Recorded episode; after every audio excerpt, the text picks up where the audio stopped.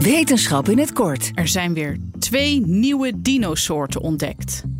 De Aenabia odysseus en de Chenanisaurus barbaricus. Het zijn verre neefjes van de Tyrannosaurus rex. En ze zijn gevonden vlak buiten Casablanca, aan de Marokkaanse kust. De fonds vertelt veel over het krijttijdperk en het uitsterven van de dino's. Sommige wetenschappers denken namelijk dat dino's niet alleen uitgestorven zijn door de megameteoriet, maar dat ze het daarvoor ook al zwaar hadden.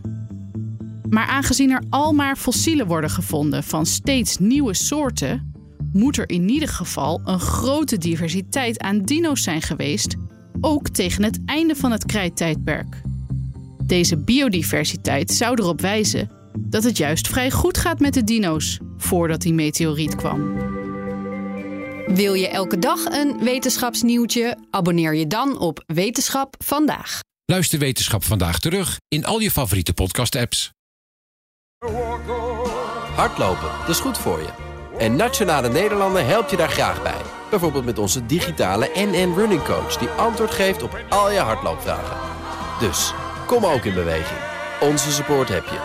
Kijk op nn.nl slash hardlopen.